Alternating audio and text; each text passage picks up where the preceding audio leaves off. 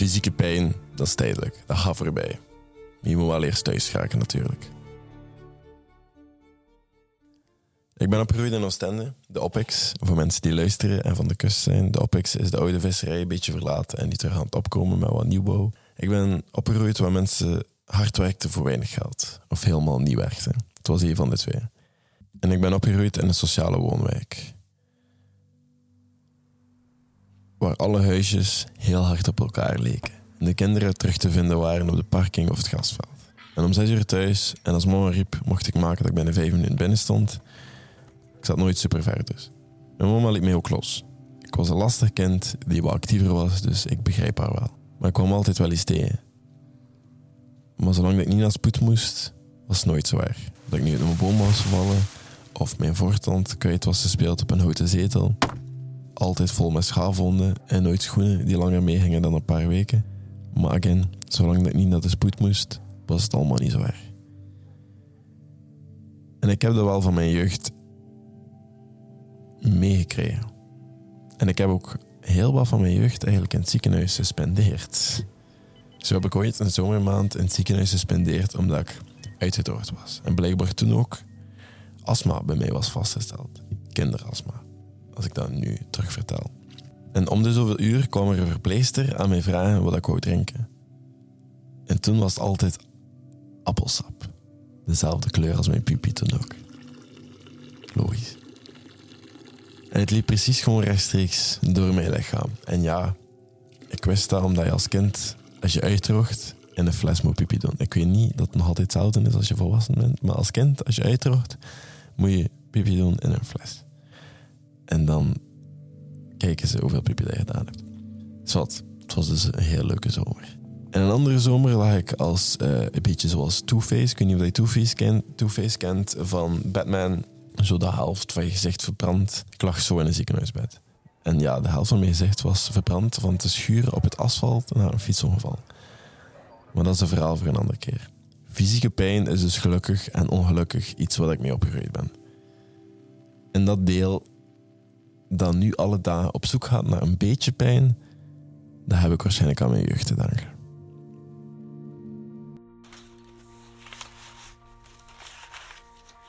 Dag 2.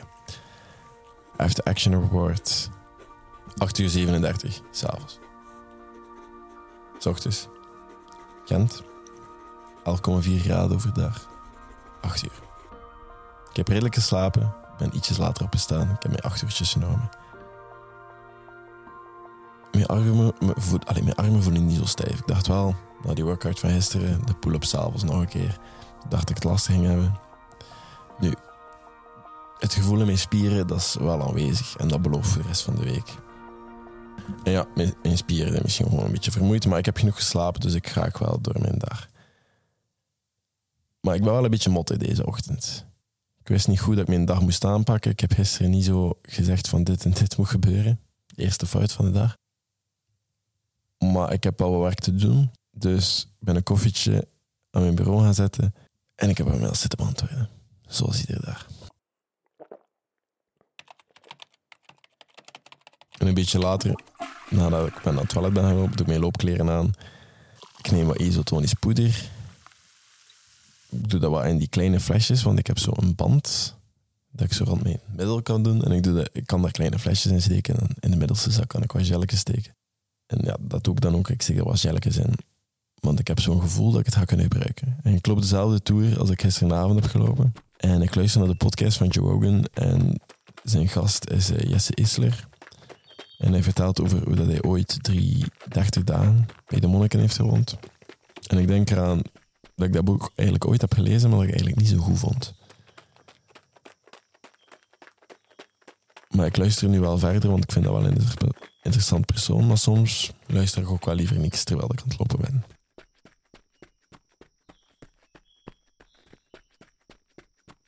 Wat ik gisteren zo omgedraaid hebben, loop ik nu gewoon verder. Want vandaag lopen we de grote tour.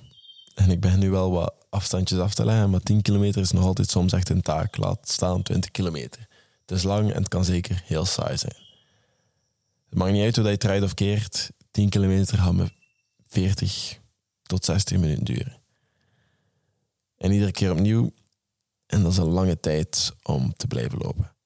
En volgens mij zijn er veel lopers die het kunnen beamen. Dat sommige dagen gaat zo'n afstand voorbij alsof dat niets is. En dan was het waarschijnlijk ook nog leuk ook. En soms voelt diezelfde afstand op dezelfde weg als een marteling en ga je gewoon onvoorstelbaar traag. En vandaag ging het al sinds niet zo super snel. De eerste 7 kilometer waren wel oké. Maar dan begon ik me te vervelen en ben ik op een verlaten brug gekropen. Heb ik daar in de zon gezeten en heb ik even een gelletje gegeten. Het was met appelsmaak, ik vind die wel lekker. En in de tocht naar beneden zag ik zo van die bospadjes. Waarschijnlijk voor mountainbikes, want dat, was, dat leek daar wel op. En dat leek me dus wel een keer fun om zo'n beetje zigzag in de bosjes op en af te lopen. Volgens Strava heb ik heel die tour 80 hoogtemeters gedaan, maar ik geloof er geen ballen van, want ik heb echt wel heel veel meer zitten klimmen en per afgaan, maar misschien herkent hij dat, dat, dat weggetje niet. Het interesseert me niet, ik heb me geamuseerd. Het was al vermoeiend, maar het was leuk.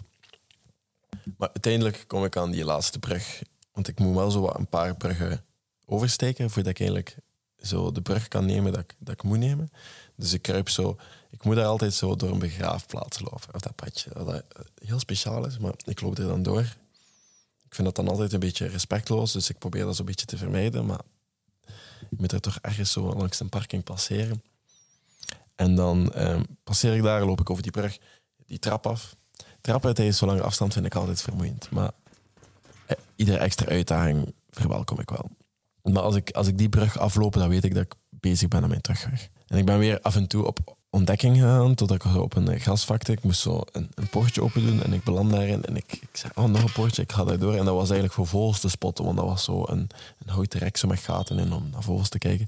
Dus ik, ik heb mezelf een beetje vastgelopen, maar ik zeg, kijk, ik ga maar hier een keer naar rechts gaan. Plots kom ik daar zo in een, in een Vlaams moeras terecht. Mijn, mijn, mijn nieuwe schoenen zaten onder water. Ik zeg, nee, ik moet nog 10 kilometer naar huis lopen. Zat, ik ben teruggekeerd naar het padje waar ik begonnen ben. En ik ben gewoon terug bijna verder lopen met een beetje natte sokken. Shit happens. Niet zo goed voor mijn loopschoenen. En niet zo goed voor die blaar dat ik van gisteren heb opgelopen. Maar ik heb gewoon verder gelopen. En dat heeft me niet gestopt om nog af en toe een beetje af te wijken van het padje.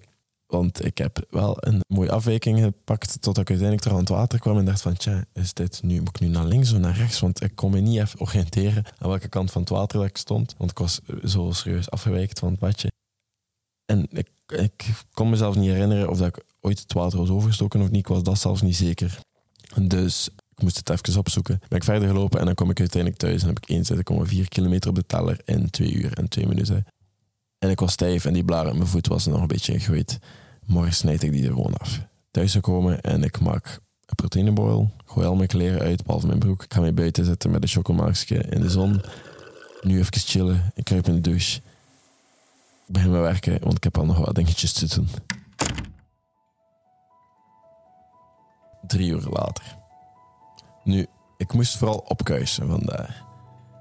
Na mijn werk, hè, want ik ben een 23 jaar gast met een fulltime job, die halftijds mijn vriendin in Antwerpen doorbrengt en ik werk daar toevallig ook in Antwerpen. Maar tijdens mijn loopjes denk ik dan ook soms van over van alles na. Vandaag ging het dan over het feit dat de maatschappij van vandaag, de dag en de huidige werksfeer met totaal andere parameters zijn gecreëerd. Zoals vroeger een fulltime job normaal, maar toen zorgde er iemand anders voor de kinderen of voor het eten en de was en de plas enzovoort. In de huidige maatschappij doen we dat allemaal zelf. En nog veel meer, want ons sociaal leven is tien keer interessanter geworden. En we hebben ook 10.000 keer meer aanbod aan entertainment of apps of toestanden om dingen in te communiceren en te doen. En er is veel meer aan de hand dan vroeger. Geen wonder dat we het soms moeilijk hebben om gewoon al te navigeren door het dagelijks leven en alles rond te krijgen. Of dat we soms het gevoel hebben dat we niet genoeg uren op een dag hebben. En dat soms een beetje allemaal overweldigend is.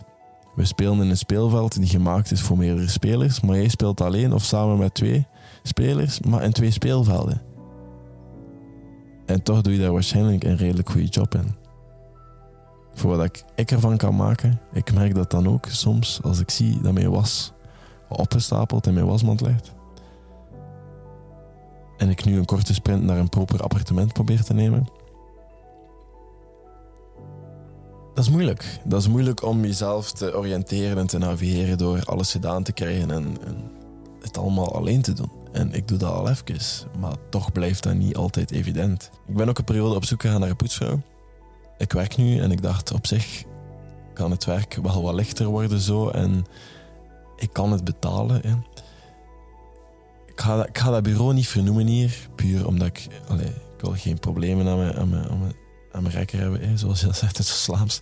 Maar als je online gaat kijken en je zoekt een poetskantoor in Gent, dan, dan vind je eentje met waarschijnlijk heel wat slechte reviews. Een tip dat ik je kan geven, bekijk dat eerst voordat je je aansluit. Maar ik had dus een poetsvrouwtje vandaag en ik had die binnengelaten. En ik dacht, ik ga zo vriendelijk zijn, ik ga die alleen laten, ik ga die uitleggen. Ik geef die uitleg, ik toon haar waar dat alle poetsmateriaal staat, waar dat ze alles kan vinden. En een kast met 16 producten in. En, en ik toon haar een andere kast, zodat er 10.000 fotjes en zeemwelletjes en whatever dat ze allemaal nodig heeft, dat allemaal daar klaar staat. En ik toon het daar, ik, laat die kasten zelfs openstaan. En na, na twee uur en een half ehm, ben ik even in een koffieshopje gaan werken. En ik kom terug. En ik zie haar al, ik kom er al tegen op de terugweg op de fiets. En ze zegt hallo. En ik "Tja, die is, die is ietsjes vroeger gestopt. Die moet een beetje klaar zijn. Oké, ik ga kijken. Ik ga naar huis. Het aanrecht is nog altijd super vuil. Dat is het eerste wat je ziet dat je binnenkomt. Ik denk al, oei.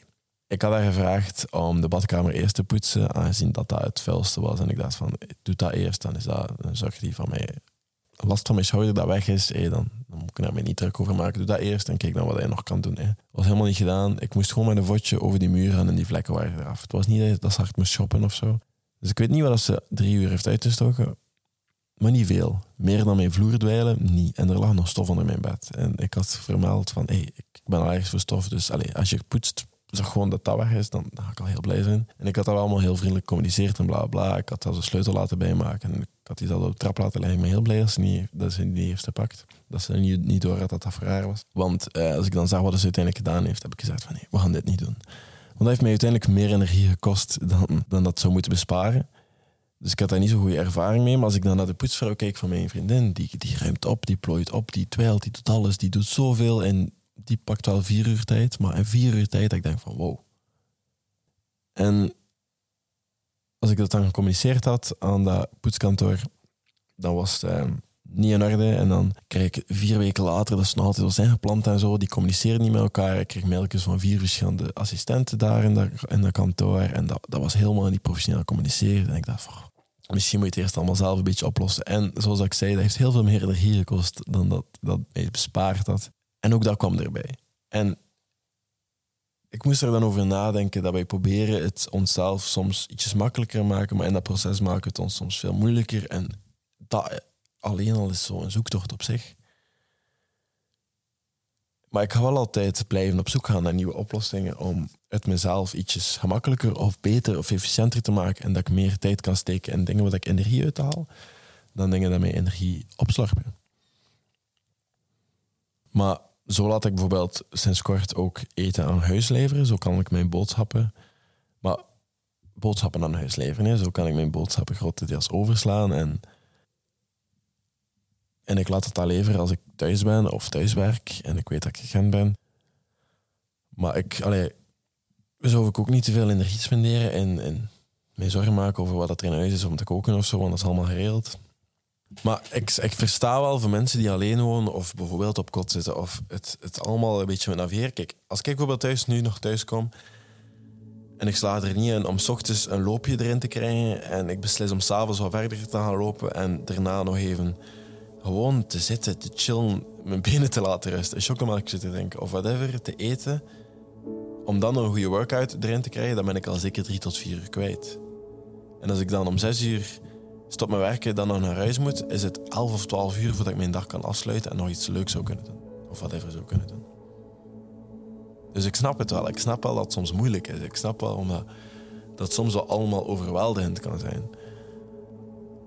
Natuurlijk dat dat voor sommige mensen allemaal een beetje te veel is. Ik heb ook moeite met dat allemaal uit te zoeken. En ik probeer dat nog met mijn overambitieuze kop er een podcast ergens tussen te proppen. En natuurlijk nog wat content ook, maar ik sla er ook niet altijd in om dat consistent vol te houden.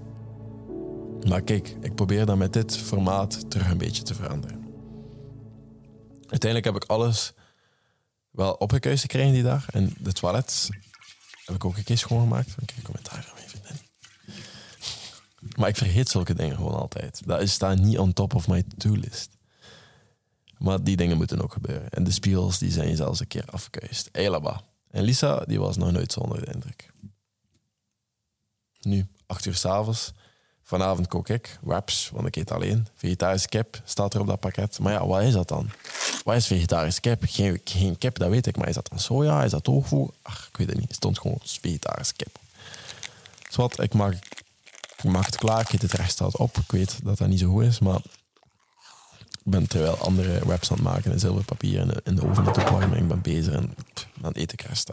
Again, ik weet dat dat niet zo gezond is, maar ik ben ook wel echt moe.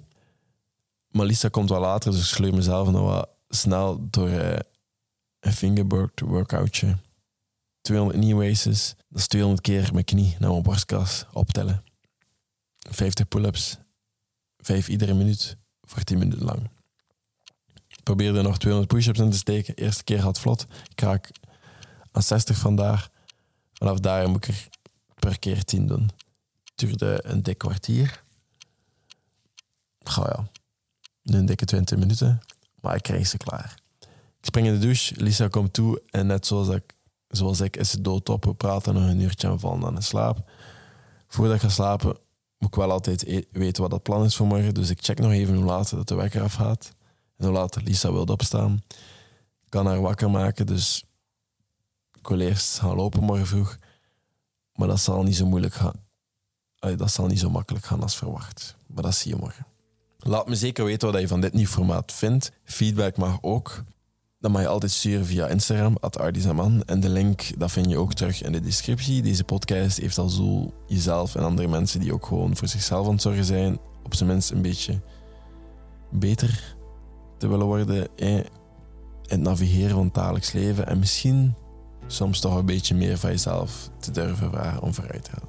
Bedankt om te luisteren. Vragen die gesteld worden via totlater.b kunnen ook nog altijd verwerkt worden in de show. Zeker als het relevant is voor het thema van die dag.